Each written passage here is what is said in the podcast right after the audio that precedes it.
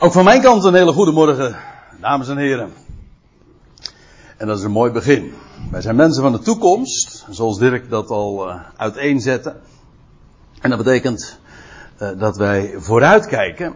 En dat doen we ook vanmorgen in dat wat ik uh, nu graag onder uw aandacht wil brengen. En we gaan het eens hebben over, nou, ik mag wel zeggen, een zeer actueel onderwerp. Want het kan u toch moeilijk ontgaan zijn als u enigszins het nieuws volgt dat uh, deze stad ook weer volop in de actualiteit stond en staat. Het was afgelopen donderdag, als ik me niet vergis, 6 december. Was dat woensdag? Nou, in ieder geval afgelopen week, op de 6 december, dat dit uh, in onze kranten stond beschreven. Dat president Trump van de Verenigde Staten, die erkende Jeruzalem als hoofdstad van Israël. Nou was dat op zich uh, niet echt nieuws, want dat doen Amerikaanse presidenten geloof ik al een jaar of twintig, officieel. Wat vooral uh, nieuws was, is dat hij nu ook besloot daadwerkelijk tot verhuizing van de Amerikaanse ambassade van Tel Aviv naar Jeruzalem. In feite dat besluit stond ook al vast, alleen dat dat daadwerkelijke, uh, dat is, uh, uh, dat is nieuw. Dat wil zeggen, hij gaat nu echt ook de daad bij het woord voegen. Ik moet er trouwens bij zeggen dat dat waarschijnlijk ook nog wel een paar jaar gaat duren. Voordat dat daadwerkelijk ook zijn beslag zal hebben gekregen. Want ja, er moeten eerst natuurlijk nog tekeningen gemaakt worden. En, nou ja, dat, dat is de, de molen, de politieke, diplomatieke molen waar het allemaal dan nog in ge, gegooid moet worden alvorens dat uh, zijn, uh, zijn beslag zal krijgen. Hoe dan ook, uh, dat was de actualiteit en het gaf wel meteen ook weer aan hoe enorm gevoelig die kwestie ligt. Jeruzalem, dat is een, Dirk gebruikte zojuist het woord al, een kruidvat. Dat geldt voor het hele Midden-Oosten. Maar feitelijk, als je het hele probleem eventjes terugbrengt tot de kern van het verhaal, dat hele Midden-Oosten conflict gaat over die stad. En dat moet u niet verbazen, want dit is nu eenmaal de stad die God heeft uitverkoren. En, maar daar wil ik straks ook graag wat, wat meer over zeggen. Ik wil graag ook uh, dit niet vanuit politiek oogpunt bekijken, maar vanuit het woord van de profeten. God heeft duizenden jaren geleden al het zijne gezegd over wat er met deze stad gaat gebeuren. En inmiddels kan ik zeggen, dat gaat in de nabije toekomst ook vervuld worden. Misschien is het goed om het eventjes toch ook uh, in, in wat historischer perspectief te plaatsen. Dan was er eventjes terug te blikken van waar gaat het nu eigenlijk vooral nu ook over in de actualiteit. Dat is niet de hoofdmoot. Daar gaat het niet, eigen, niet uh, daadwerkelijk om vanmorgen. Maar wel om het eventjes uh, in, in, in een wat breder verband te plaatsen. En waarom het ook vandaag uh, zo'n grote rol speelt. Laten we eventjes vijf eeuwen teruggaan. En als ik zeg vijf eeuwen, dan bedoel ik ook echt vijf eeuwen. Want het is op de jaar nauwkeurig precies 500 jaar geleden.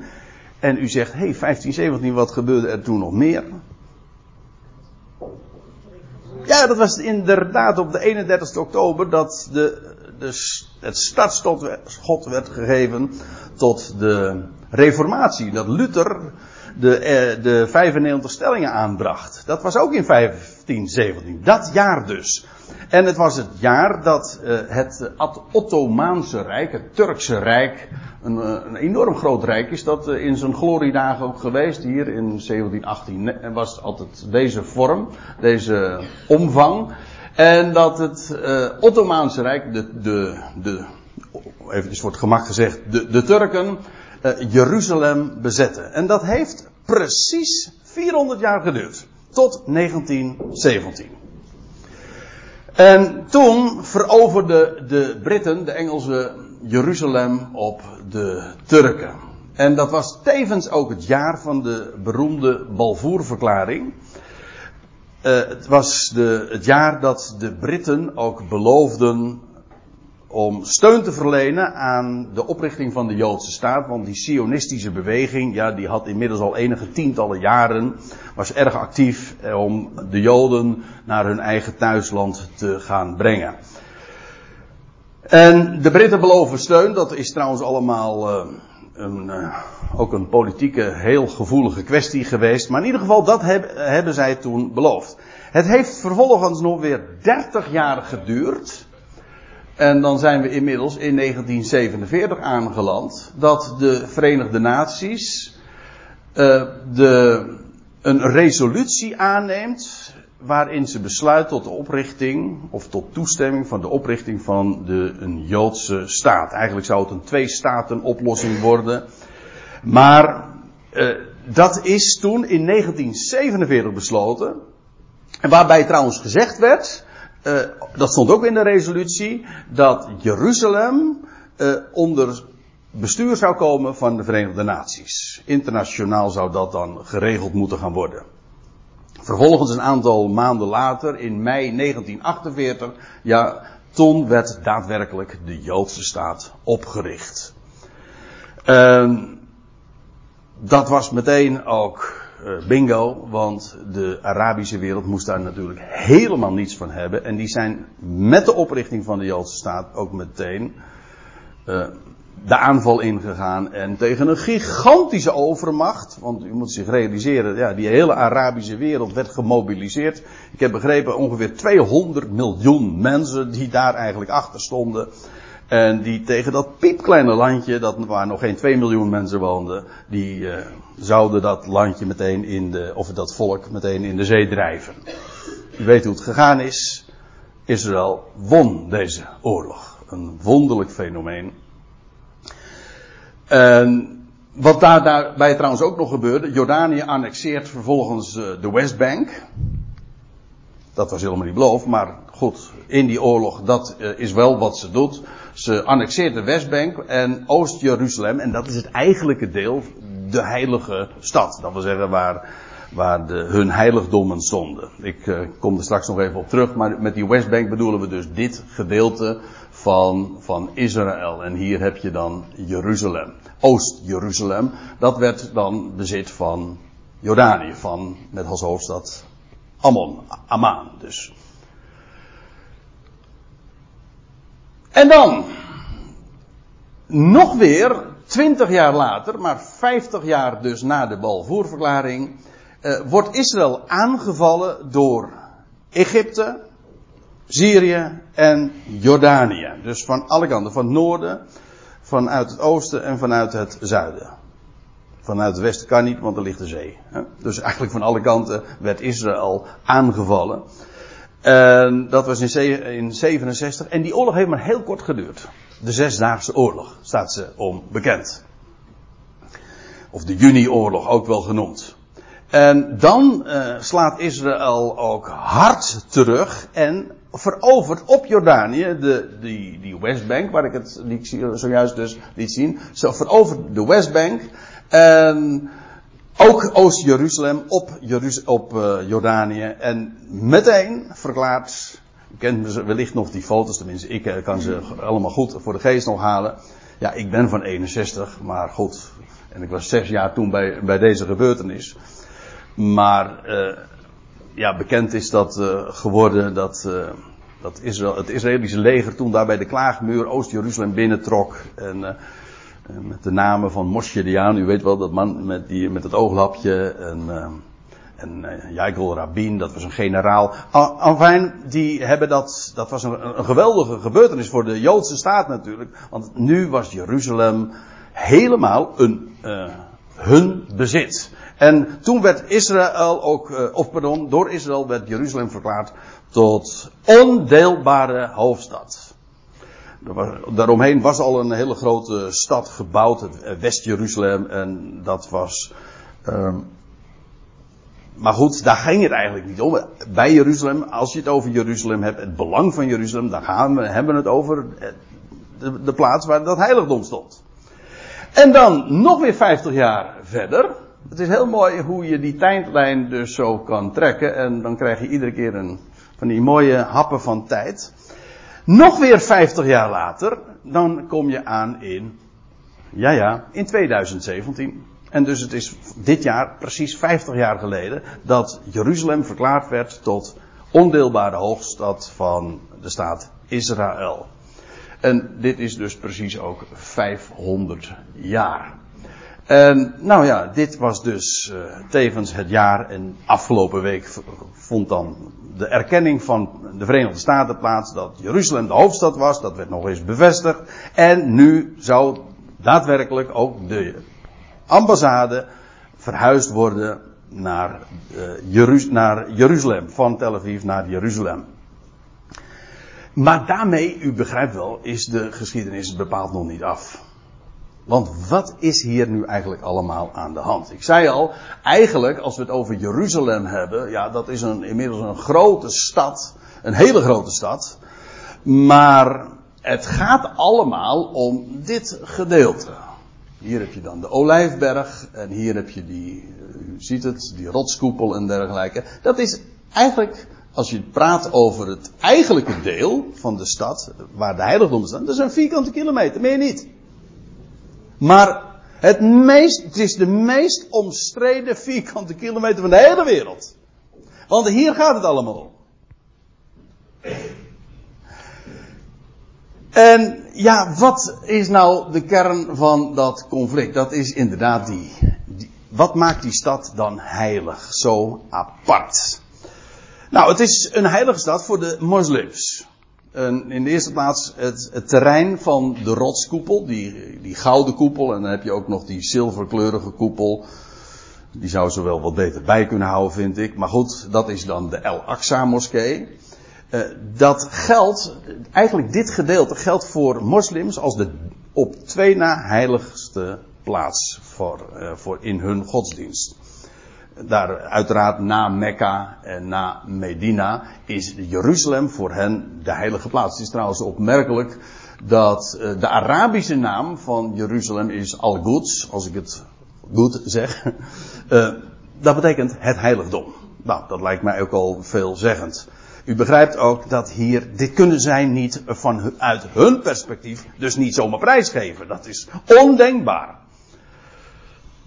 En u weet hoe fanatiek men daarop is.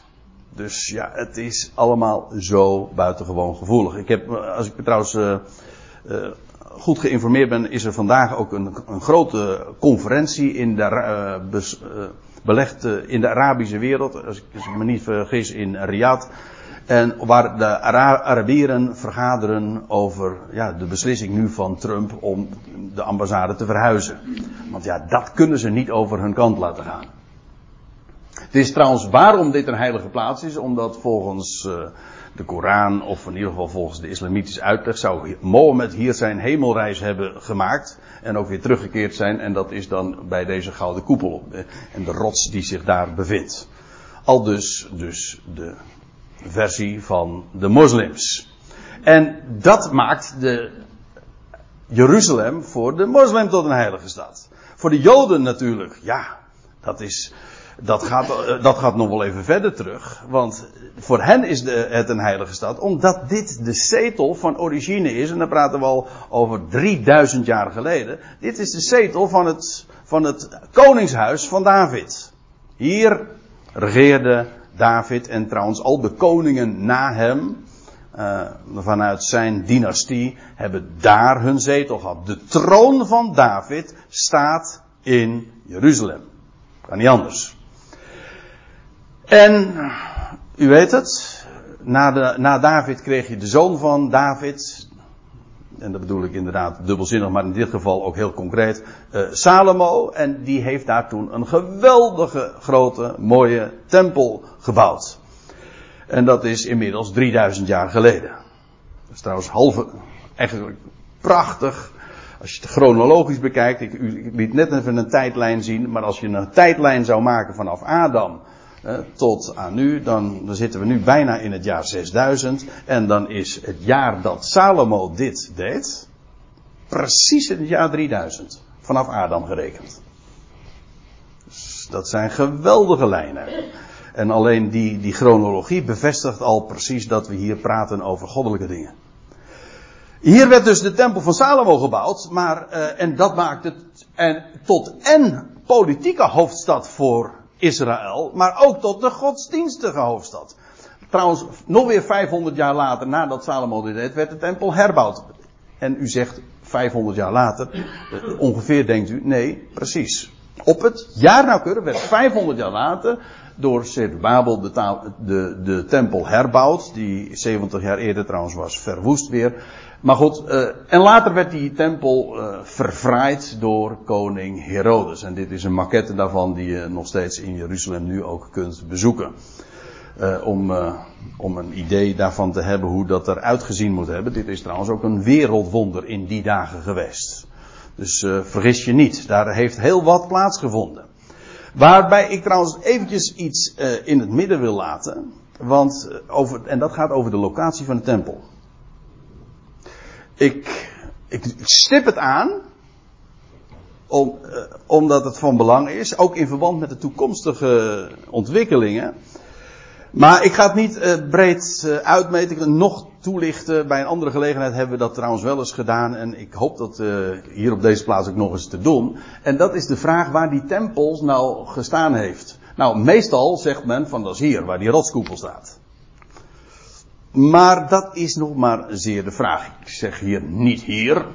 Uh, ik zeg het met enige. Ook omdat ik het nu verder niet kan toelichten. Maar ik zeg het met een slag om de arm. Maar als u mij vraagt. Heeft die tempel niet hier gestaan. Maar hier. Dat is niet een particuliere mening van mij hoor. Maar er zijn hele goede onderzoekingen. En ook vooral vanuit bijbelse gegevens eh, hier waar de bron van Gion is en de berg Sion, hier zou de tempel echt hebben gestaan. De tempels die in het verleden.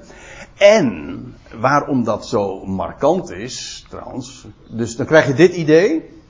Uh, hier ziet u twee plaatjes dit, wat dit tempelcomplex zou in de dagen van de Bijbel, of in, laat ik uh, zeggen in de dagen van de Heer Jezus, niet de plaats geweest zijn waar uh, de tempel stond, maar de burcht van Antonia, die Romeinse vesting. En de huidige klaagmuur is eigenlijk een overblijfsel van die Romeinse vesting en niet van de tempel. Want laat ik dan meteen een argument noemen. Van die tempel lezen we dat de Heer Jezus zegt: geen steen zal daar op de andere uh, blijven. Geen steen zal op de. Uh, hoe staat er? Uh, ik zeg u dat de Heer Jezus over die tempel in zijn dagen zegt: geen steen zal op de andere blijven staan. Dat betekent dus dat een stuk muur, wat nu altijd aangewezen wordt als overblijfsel van de tempel, dat kan eigenlijk niet de tempel zijn, want daar zou geen steen van op de andere blijven staan. Dat is ook een overblijfsel van de, de burg van Antonia. En dat hier in werkelijkheid die tempel gestaan heeft, dus ten zuiden van die burcht.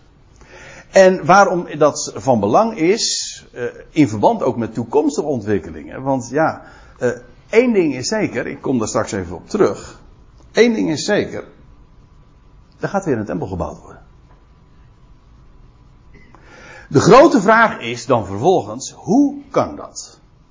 Dat is de, in feite ook het grote conflict. De Joden, die zijn natuurlijk zeer ge, uh, erop uit. Sterker nog, alles ligt al helemaal gereed. Al, de, niet alleen de, stenen en, en het hele, de hele uh, de bouwtekeningen, alles ligt al klaar. Ze zouden dat zo achter elkaar kunnen bouwen. De gewaden voor de priesters en alle attributen die daarvoor nodig zijn. Alles ligt al klaar. Het probleem is alleen, er staat een tempel. Dus ja, als die tempel hier moet komen te staan, dan moet dus dit islamitisch heiligdom verdwijnen. Het een of het ander. Ja, en waarbij dan vervolgens de vraag is: en hoe verdwijnt die? Joodse activistische groepen die zeggen van nou, wij gaan God een handje helpen. En uh, we, we, blazen een zootje op. Om het eventjes uh, plat te zeggen. Dat kan. Of uh, anderen zeggen van nou, dat laten wij aan God over. Er komt een aardbeving en er blijft niks van over. Het zou zomaar kunnen. Ik geef het als optie weer. Dat die tempel hier helemaal niet komt. En dat omdat die tempel hier ook nooit gestaan heeft, maar dat die hier komt. In dat geval kan dit gewoon blijven staan. Wat dacht je daarvan? Ja. En één ding is zeker, hoe dit verder zich ook zal aftekenen. Er komt weer een tempel. Daar in Jeruzalem. Want ik wil, wat ik u nu vanmorgen graag even wil laten zien. Is Ja, we kunnen natuurlijk allerlei politieke bespiegelingen houden over de stad Jeruzalem. En ik heb zojuist even zo in een korte, in een, in een korte overzicht verteld wat er zo al een aantal mijlpalen in de recente geschiedenis van deze stad.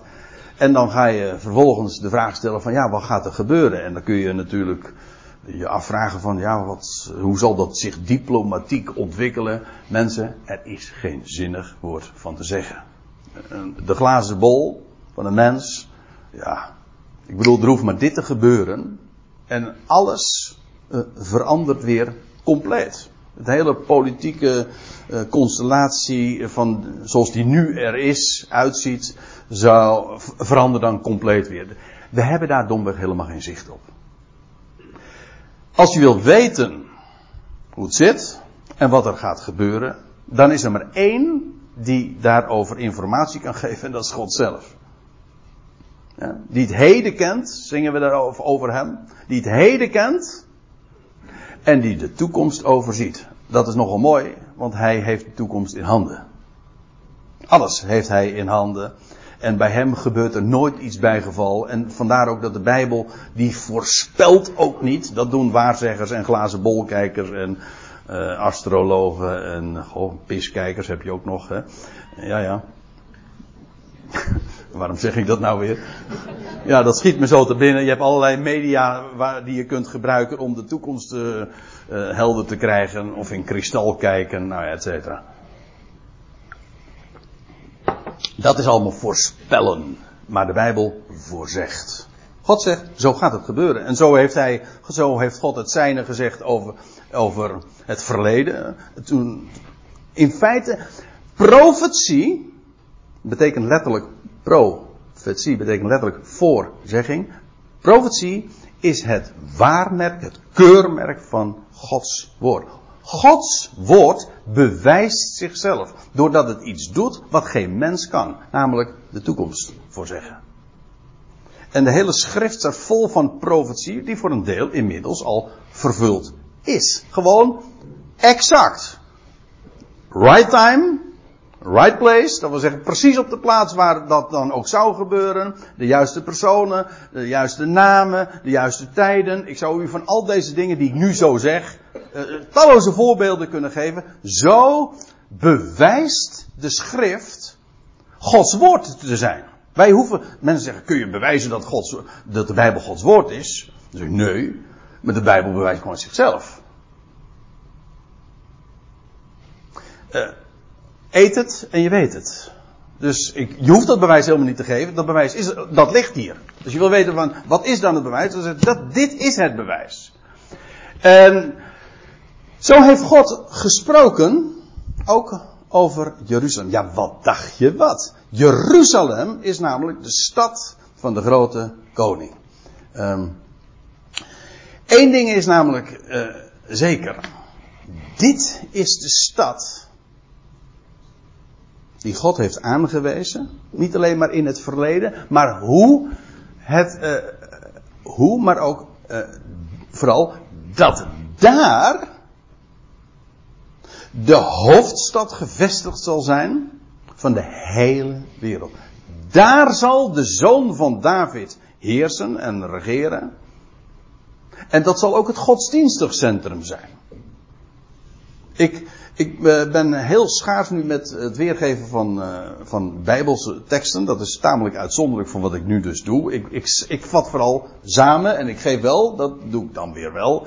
Ik geef de bonnetjes erbij, dat wil zeggen ik geef de verwijsplaatsen zodat u dat zelf allemaal kunt zien. Maar ik wil het graag eventjes in, in een wat uh, uh, in perspectief plaatsen. Zo, wat mogen we gaan verwachten? Ik bedoel, die stad Jeruzalem die ligt daar, dat is een, een politiek gigantisch heet hangijzer. En wat gaat er gebeuren? Nou, één ding is zeker, er gaat weer een tempel komen. En aangezien die tempel er nu niet staat, moet die dus herbouwd worden. Hm? Ja. En ook weer een offerdienst komen. De Bijbel spreekt in, nou ja, ik geef een paar schriftplaatsen. Maar in openbaring 11 lees je dat. In 2 Thessalonica 2. Er is weer een tempel. Hij wordt dan ook genoemd de tempel van God. Er wordt gesproken over de heilige plaats. Daar zal weer een tempel komen. En u zegt van, nou ja, dat, hoe, hoe gaat dat dan gebeuren? En waar? Nou ja, daar heb ik zojuist al wat over gezegd. Wellicht niet op de plaats waarvan iedereen nu denkt dat hij moet komen. Maar juist uh, iets ten zuiden daarvan. Even los daarvan. Hoe het gaat en precies waar.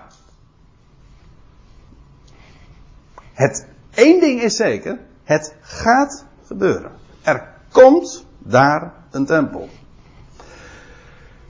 En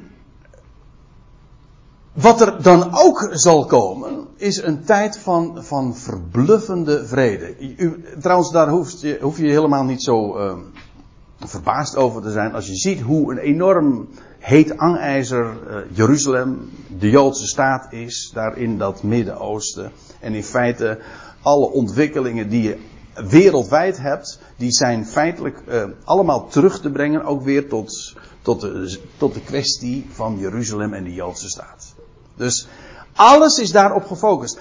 Als daar weer een tempeldienst komt en een offerdienst, dat de Joden daar hun, uh, hun, hun altaar hebben en hun dagelijkse offers brengen. Nou, u zegt dan moet er nog aardig wat water door de Rijn stromen. Nou, dat zal best. Maar ik denk dat we op, wellicht op korte termijn uh, dat al mogen gaan verwachten. Ik bedoel dit. Als ik zeg, als ik zeg korte termijn, één ding is zeker. En dat is dat de, de termijn van twee dagen, van twee millennia, sinds het heengaan van de Messias, in het jaar 30. Hij voert een hemel. En hij zou na twee millennia weer terugkeren. U zegt, misschien is dat een afgerond getal. Oké, dat zou. Wie weet. Maar die twee millennia zijn bijna voorbij. Dus de termijn is bijna verstreken. Dat betekent dat binnen afzienbare tijd daar inderdaad dus weer een tempel gaat komen. Maar als dat gebeurt, ja, dan, dan moet dat ook uh, inderdaad een, een vrede gaan uh, betekenen. Er, er, moet een vredesakkoord. Ik bedoel, daar zijn ze nu al tientallen jaren mee bezig en uh, met weinig succes. Hè? Een vredesakkoord. Er gaat een vredesakkoord komen. Het is zelfs zo, je leest dat in 1 Thessalonica 5, openbaring 6, dat zijn de meest markante schriftplaatsen. dat er een vrede gaat komen waar iedereen verbluft over zal zijn. Hoe is het mogelijk dat dit gaat gebeuren? Men zal roepen vrede, veiligheid. En nou, dat roepen de mensen nu niet in de wereld. Hè? Maar straks wel. Maar voordat je nou denkt van, oh, halleluja, uh, dat is vals.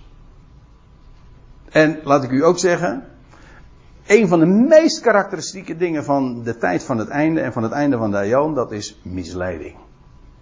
Dat is het meest karakteristieke. En velen, en dat geldt in de moslimwereld, dat geldt voor de Joodse wereld, maar geldt in het bijzonder ook voor de christelijke wereld, zullen, als ik het zo mag zeggen, op het verkeerde paard wedden. En die zullen, degene die daar de leiding aangeeft van de vrede, en denken dat moet de Messias zijn. En hij doet zich zo ook voor, als een, als een ruiter op het witte paard. Hij is de Messias. We hebben er hier ooit, jaren geleden, wel eens een keertje daar aan gedacht. Aan, aan de, wat de moslims verwachten, hè, de Mahdi. Dat, die stellen ze trouwens ook voor als, als ruiter op het witte paard. Eigenaardig mensen. Maar in ieder geval, zo'n figuur gaat er komen. Een tijd van verbluffende vrede. Uh, waar dus ook daar op dat tempelplein in Jeruzalem weer offers gebracht worden. Maar totdat. Want er gaat namelijk op diezelfde plaats een afgodsbeeld. In de Bijbel heet dat meestal een gruwel opgericht worden. De gruwel van de verwoesting. Want wat er zal gebeuren is dat de offerdienst, die zal abrupt gestaakt worden. Van de een op de andere dag. En op de heilige plaats, dat wil zeggen daar op het tempelplein, zal een gruwel, een afgodsbeeld worden opgericht. In, uh, in Matthäus 24, daar lees je dit. Daar, dat is de reden die de Heer Jezus hield over het einde van deze aion. En dan zegt hij tegen zijn Joodse luisteraars: Wanneer jullie dan zullen waarnemen de gruwel van de verwoesting, die dat afgodsbeeld dat verwoesting met zich mee zal brengen. En dan, zegt, dan, dan, dan refereert hij aan het boek Daniel, waarvan wordt gesproken door Daniel, de profeet, de voorzegger. Staande in de heilige plaats. Dat wil zeggen, die gruwel die staat in de heilige plaats. En inderdaad, kijk het maar na in Daniel 11, 12. Daar wordt gesproken over een afgodsbeeld dat zal worden opgericht daar op het tempelplein. Dus dat is heel letterlijk. Ik weet het, in de, in de kerkgeschiedenis hebben, hebben ja, daar, daar, heeft men sowieso al, men dacht van, ja, wij zijn Israël en uh, al die, alles wat God heeft, uh, of wat er in de schrift geschreven staat over, over Israël en dergelijke, dat, dat moet je niet zo letterlijk nemen, dat zijn wij, en nou, et cetera. Men heeft daar totaal geen oog voor de profetie. Maar de schrift spreekt daar gewoon over. Jeruzalem is Jeruzalem. En dat blijkt ook wel, want als de Heer dan zegt van ja, die gruwel zal straks worden opgericht. Daniel had er, zoals Daniel dat al ooit in zijn dagen had uh, beschreven. En dan zegt hij, wie leest, laat hem verstaan. Of wie het leest, geven er acht op. Let op. Hij zegt, en wie op dat moment, als die gruwel dan wordt opgericht in Judea, laten wie op dat moment in Judea zijn, uh, vluchten tot in de bergen. En daar zal ook een onderduikadres zijn in de woestijn. Ja. Hier wil ik niet te veel over zeggen. Momenteel geef ik een serie uh, studies in uh, Rotterdam. En die gaat eigenlijk uh, ook hierover. Over die, over die wegrukking. Want als dit zal gebeuren, dan zal het gezelschap van gelovigen dat God vandaag in onze dagen verzameld worden weggerukt tot God en zijn troon. Dat zal bij deze gelegenheid zijn. Ik laat het eventjes, als u daar meer over wil weten, wat daar, uh, dan moet je, zou je deze schriftplaatsen daarover moeten raadplegen. Want daar wordt gesproken inderdaad, voordat die, die grote verdrukking gaat aanbreken, wordt er een, vindt er een wegrukking plaats. Paulus spreekt erover, Johannes spreekt erover. En dat is tevens het begin van de grote verdrukking. Zo wordt dat uh, in Matthäus 24 genoemd. Met andere woorden, eventjes, als, als u het nog helder hebt, wat we gaan wat we mogen verwachten, op grond van de schrift. Er zal op de heilige plaats weer een tempel komen. Er zal een offerdienst weer vervuld worden. Een geweldige tijd van vrede, maar dat zal abrupt worden afgebroken. Die offerdienst wordt gestaakt. En in plaats van een offerdienst zal uh, de mens der wetteloosheid daar een afgodsbeeld oprichten. En er zal een hele cultus ontstaan van verplichte afgoderij ook. En daar, daar kun je niet onder onderuit. Een afschuwelijke verdrukking zoals er nog nooit in de geschiedenis is geweest. Dat heeft Daniel gezegd, dat heeft de Heer Jezus gezegd, dus dat gaat nog komen. Dus wij vertellen een heel goed bericht. Hè? Dat is waar. Maar wij zijn niet onrealistisch hè, vanuit de schrift. We weten dat gaat nog gebeuren. Wat het, uh, het goede bericht een goede bericht maakt, is dat aan alle ellende een einde komt. Dat is altijd gelimiteerd. Het heeft altijd een doel. Het is altijd eindgoed, al goed. Maar dat wil niet zeggen dat de weg er naartoe altijd maar gladjes verloopt. Integendeel. Als dit gebeurt, als daar een afgodsbeeld opgericht wordt op het tempelplein, ja, dat is meteen ook het moment dat een grote verdrukking aanvangt. Je leest dat ook in Matthäus 24 en Daniel 12. En die periode wordt trouwens precies ook afgemeten. In dagen zelfs. Op de dag nauwkeurig zal dat 1260 dagen zijn. En waar, wat eh, doen deze twee mannen hier? Nou, uh, de, je leest dat de heilige stad, die wordt 42 maanden vertreden door de natie. Ja, dat is eigenaardig, hè? Er zal dus uh, vanaf dit moment gaat er een periode aanbreken van 42 maanden. U zegt dat staat hier 1260 dagen, maar reken maar eens terug. Dat is hetzelfde. 42 maal 30 is 1260. Dat is gewoon een periode van 3,5 jaar. Uh, die dan zal aanbreken. En je leest in, letterlijk in openbaring 11 vers 1. Ik wil heel graag, dat zal waarschijnlijk, dat wordt, ja waarschijnlijk, wordt het wel zeker. Als je dat wil doen, dan wordt dat volgend jaar. Willen we eens uh, een, een of meerdere keren een, een, ons gaan richten op, op openbaring 11. Over dat wat de schrift zegt over die twee getuigen. Maar in die periode zullen, uh, wordt, wordt Jeruzalem, de heilige stad, uh, vertreden door de natieën. Dat, wat dus wel aangeeft dat die vrede die uh, er aan vooraf gaat, dus maar een schijnvrede is. Ze, ze is namelijk van zeer tijdelijke aard. Ze wordt compleet weer teniet gedaan en de heilige stad zal vertreden worden. En dat is precies ook die periode van de grote verdrukking. En dan zullen er twee getuigen op het tempelplein optreden. De Bijbel zegt dat. Twee getuigen. Ja, die heb je altijd nodig. Hè. Wil een zaak vaststaan. Dan, dus hier was, vond uh, de wegrukking plaats van de gelovigen. Ja, en dan begint God weer met een nieuw getuigenis met twee getuigen. En op dat tempelplein zullen er twee getuigen uh, optreden. En die zullen daar 1260 dagen, die hele periode van grote verdrukking, zullen ze daar getuigen. Ja, en hun woord is onmiskenbaar.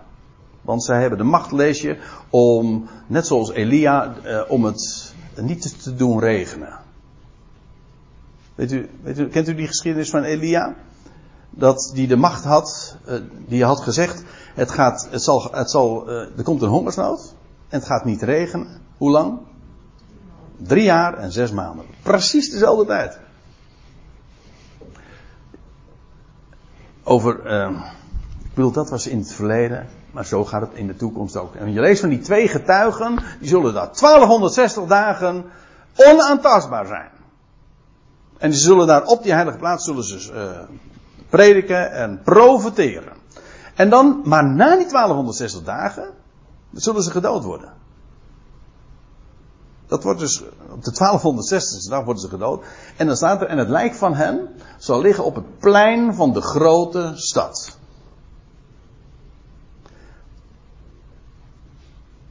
Je leest ook trouwens dat alle naties dat zullen zien. Dus daar gewoon, dus tegenwoordig, vroeger was dat misschien moeilijk voor te stellen. Hoe kan dat nou? Hoe kan de hele wereld dat nou zien? Nou, dat is niet zo moeilijk. Hè? Tegenwoordig is dat geen punt. Er staan gewoon een webcam of tv-camera's staan daarop gericht. De hele wereld zal dat zien. En in een paar dagen, drieënhalve dag lees je, zal, zal, dat lijk daar, zal dat lijk van hen daar op het, uh, op het plein van de grote stad liggen. En dat is heel concreet. Dat je leest die stad die geestelijk genoemd wordt Sodom en Egypte. En voor mensen die dan denken van ja, maar dat is niet letterlijk de stad. Nou, dat, uh, als je in die illusie leeft, dan moet je nog even doorlezen in openbaring 11 vers 8. Want er staat, het is de stad waar ook de Heer van hen werd gekruisigd. Aha. Nou, maar welke stad hebben we het dan over? Dat is gewoon Jeruzalem. Heel concreet. De schrift zegt het. En dus gaat het gebeuren. Zoals in het verleden alles wat voorzegd is gebeurd. Dit gaat gebeuren. En je, je kunt je trouwens ook nog de vraag stellen van ja, hoezo uh, geestelijk wordt het genoemd Sodom en Egypte. Nou ja, je zou eraan kunnen denken dat die twee getuigen zeggen, zullen wijzen op het feit dat, dat je weg moet wezen. Het Sodom, dan moest je, vraag maar eens een lot, vertrek. Maak dat je wegkomt. Uit Egypte ook trouwens. Dan moest, dan moest je uit vertrekken. Uh, mensen die nu ook trouwens, daar wil ik er ook bij zeggen, mensen die nu allemaal over de huidige Joodse staat en over Jeruzalem zo halleluja roepen en zeggen van oh wat geweldig dat God zijn volk weer heeft teruggebracht. Die komen ook nog van een koude kermis thuis. Want zo mooi is dat allemaal niet. Het is de meest onheilspellende plaats waar je maar kunt bedenken. Als je denkt daarheen te gaan om veilig te zijn, dan heb je, nou, dan heb je de Bijbel niet goed gelezen. En trouwens, en dat die stad zo'n verheven stad nu zou zijn. Is ook al niet waar, want ze wordt geestelijk genoemd Sodom en Egypte. En dat is, en beide plaatsen zijn nou niet, uh, locaties worden nou niet bepaald in de schrift genoemd, hè, geestelijk, om daarmee aan te geven, want dat is een plaats waar God gediend wordt. Integendeel. Zie je hoe, hoe, de schrift je gewoon je denken totaal anders oriënteert en hoe je vanuit de schrift totaal anders tegen dingen aankijkt. Laat ik u ook dan dit zeggen. De Bijbel zegt ook, en ik weet dat niet altijd iedereen dat mij in dank afneemt of als dat gezegd wordt, maar er blijft van de Joodse staat die mensen hebben opgericht. Hoe wonderlijk allemaal en hoe in overeenstemming het ook met de profetie is. Er blijft niks van over. De schrift zegt het. Hoe dan ook, uh, die twee getuigen zullen daar optreden. Uh, in die periode, dat is trouwens ook nog, ik geef toe, als u zegt het is wel erg veel vanmorgen, dat is waar. Maar uh, ja, ik, de vraag was, ja, de toekomst van de stad, wat gaat daar gebeuren? Nou, dan wil ik gewoon een paar highlights daarover, daar noemen. Want inderdaad, er zal een, een, een deel, een rest, een overblijfsel van Israël zal daadwerkelijk het land uitvluchten. En in de woestijn een veilig onderkomen vinden, een onderduikadres. En ook daar lees je over op allerlei plaatsen, maar met name dan in openbaring 12. Allemaal in deze periode van 1260 dagen. Ja. En uiteindelijk lees je dan dat Jeruzalem, de stad, ook waar dus die, die tempel weer uh, opgebouwd wordt, wordt verwoest. Er blijft niks van die stad over. Want wat gebeurt er? Aan het einde van die grote verdrukking, dan zal God alle volkeren verzamelen tegen Jeruzalem. Natuurlijk, die volkeren die doen dat niet omdat God hen daar verzamelt. Die hebben hun eigen motieven. Maar heel de wereld zal zich ten strijde trekken. Kunt u zich voorstellen?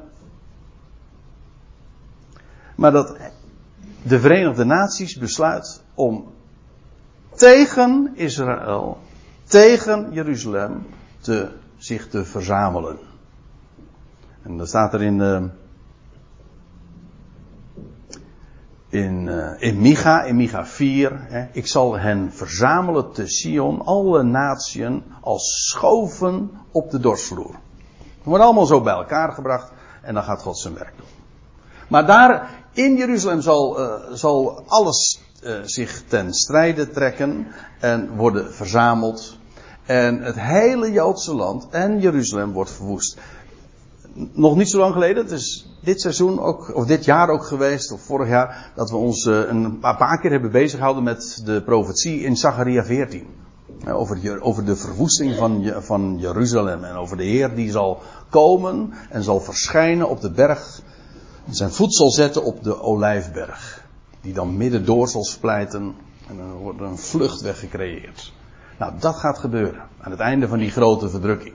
Maar dat, dat zal ook het einde zijn van het hele, van die Joodse staat, want er staat zelfs, er zal geen levende inwoner meer in het land zijn. Wat nog leeft, dat is inmiddels gevlucht. Dat is een, rest dus, een overblijfsel, wat overgebleven is, of wat overleefd heeft. Waarom? Omdat uh, inmiddels, al in die tijd van grote verdrukking, dat is altijd zo. Als de verdrukking zo heftig zal zijn, wat zal dat wat nog overgebleven is in Jeruzalem doen? De naam van God aanroepen. En dan gaan Joden iets doen wat ze never nooit doen, namelijk de naam van God aanroepen. Die naam is te heilig. Maar dan zullen ze niet anders meer kunnen en de naam van God zullen ze aanroepen. En dan zal hij in zijn icoon, in zijn beeld, in de Messias verschijnen op de Olijfberg. Zijn voeten zullen er staan. Ooit ging hij daar weg. Of vanaf de Olijfberg vertrok hij. In het jaar 30. En hij zegt, ik kom terug. Na twee dagen kom ik weer terug. En dan zet hij zijn voet weer op de Olijfberg. En dan gebeurt er wat met die berg. Ik zei al, dan gaat die berg midden doorsplijten en dan ontstaat er een vluchtweg. Oh, Mensen, het onderwerp wat ik nu zo even in een paar punten en een paar highlights zo neerzet.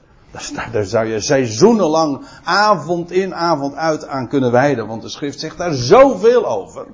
En als, en als u straks naar mij toe komt en zegt van nou, je bent vergeten dat te zeggen. Dan zeg ik ja, dank je de koekoek. Ik ben alles vergeten te zeggen. Ik heb eigenlijk niks gezegd. Hè? Ik heb maar gewoon een paar dingen aangestipt met de teksten erbij, waar u dat allemaal kunt aanvinden. Maar het lijkt mij goed om het, eh, aan, om het eh, puntsgewijs en in, in, in een tijdlijn zo neer te zetten. In ieder geval, aan het einde van die periode zal de hele Joodse status uh, ja, verwoest zijn, ten einde zijn. En in die verdrukking zal de naam van God worden aangeroepen en hij zal verschijnen. Als de nood het hoogste is, is de redder nabij. En dan zal men inderdaad vluchten naar de woestijn. En eigenlijk zoals ooit in het verleden ging het volk vanuit de woestijn naar, naar het beloofde land, gaat het straks ook weer. Vanuit de woestijn zullen ze uiteindelijk weer naar het beloofde land gaan. Maar u begrijpt, dan, en ik eindig dus eigenlijk bij het, uh, bij het grote keerpunt. Want hier, ik eindig nu hier, maar hier begint het eigenlijk pas. Want dit, deze opkomende zon, dat is het aanbreken van die nieuwe dag. Die derde dag. Hier komt de zon op. Hier verdwijnt de duisternis. En dit moment, ik bedoel, als, als hij zal verschijnen, als al het mensenwerk ten einde is, dan komt hij. En dan, dat is het einde van het oude Jeruzalem. En vanaf dan zal er, dat zal ook trouwens nog een tijd in beslag gaan nemen, een nieuwe stad gebouwd worden. En je leest ergens in de, in de psalmen, als de Heere het huis niet bouwt, te vergeefs bouwen de bouwlieden daaraan. Of als de Heere de stad, de stad niet bewaakt, te, te vergeefs waken de wachters. Dat is te vergeefs. Dat geldt ook voor die. Als de, als de Heere dat volk dat die staat niet bouwt. Dat is allemaal mensenwerk, heel knap, vernuftig enzovoorts. De Bijbel heeft het voorzegd, maar het is niet, geen, niet Gods werk. Weet u wanneer het Gods werk is? Als al het mensenwerk ten einde is en, en de mens geroepen zal hebben naar de naam van God. En altijd, dat is een universeel principe, als een, de mens God aanroept, dan, ver, dan verandert alles. Want hij laat zich nooit onbetuigd. En dat zal straks ook voor het Joodse volk gelden. Ze zullen hem aanroepen en dan zullen ze hem zien. Die ze ooit hebben doorstoken. En vanaf dan begint er een hele nieuwe periode. Een nieuwe aion, een nieuw wereldtijdperk. Jeruzalem zal worden herbouwd. Dat wordt de stad van de grote koning. Vergis u niet, hè? Zo wordt het in Matthäus 5 genoemd. Jeruzalem is de stad van de grote koning. Dat is de stad waar de zoon van David zal heersen. Niet alleen over Israël, ja in eerste instantie wel, maar hij gaat zijn koninkrijk uitbreiden over heel de wereld. En dat betekent dat Jeruzalem dus de hoofdstad wordt van heel de wereld. Vergis je niet. Dat betekent, dat betekent dus dat we straks een Israëlitisch wereldrijk gaan krijgen. Waar Jeruzalem het middelpunt van zal zijn. En de volkeren ook en delegaties daarvan jaarlijks naar Jeruzalem zullen optrekken. Mensen, er gaat nog zo enorm veel gebeuren. En ik vind het geweldig om aan het einde van deze termijn, ik bedoel het einde van twee dagen, van twee millennia, te mogen leven. En natuurlijk, de verschrikkingen die gaan komen over in het Midden-Oosten, in de wereld in het algemeen. Je houdt je hart vast. En de misleiding is gigantisch. Maar als je het licht van het woord hebt en je weet, zo heeft God gesproken, zo gaat het gebeuren. Ja, daar kun je op blind varen. En dan heb je, dan heb je uitzicht en dan, dat is ook een bron van vreugde. Dat is namelijk zekerheid. Zo zal het gaan. En ik moet u zeggen, feit dat je weet dat dit gaat komen, precies zoals Dirk dat ook uh, in zijn inleiding al zei. Uh, het is nu, uh, de, de, de, winter moet officieel astronomisch nog beginnen. duisternis, doods. Maar wij kijken daar gewoon overheen.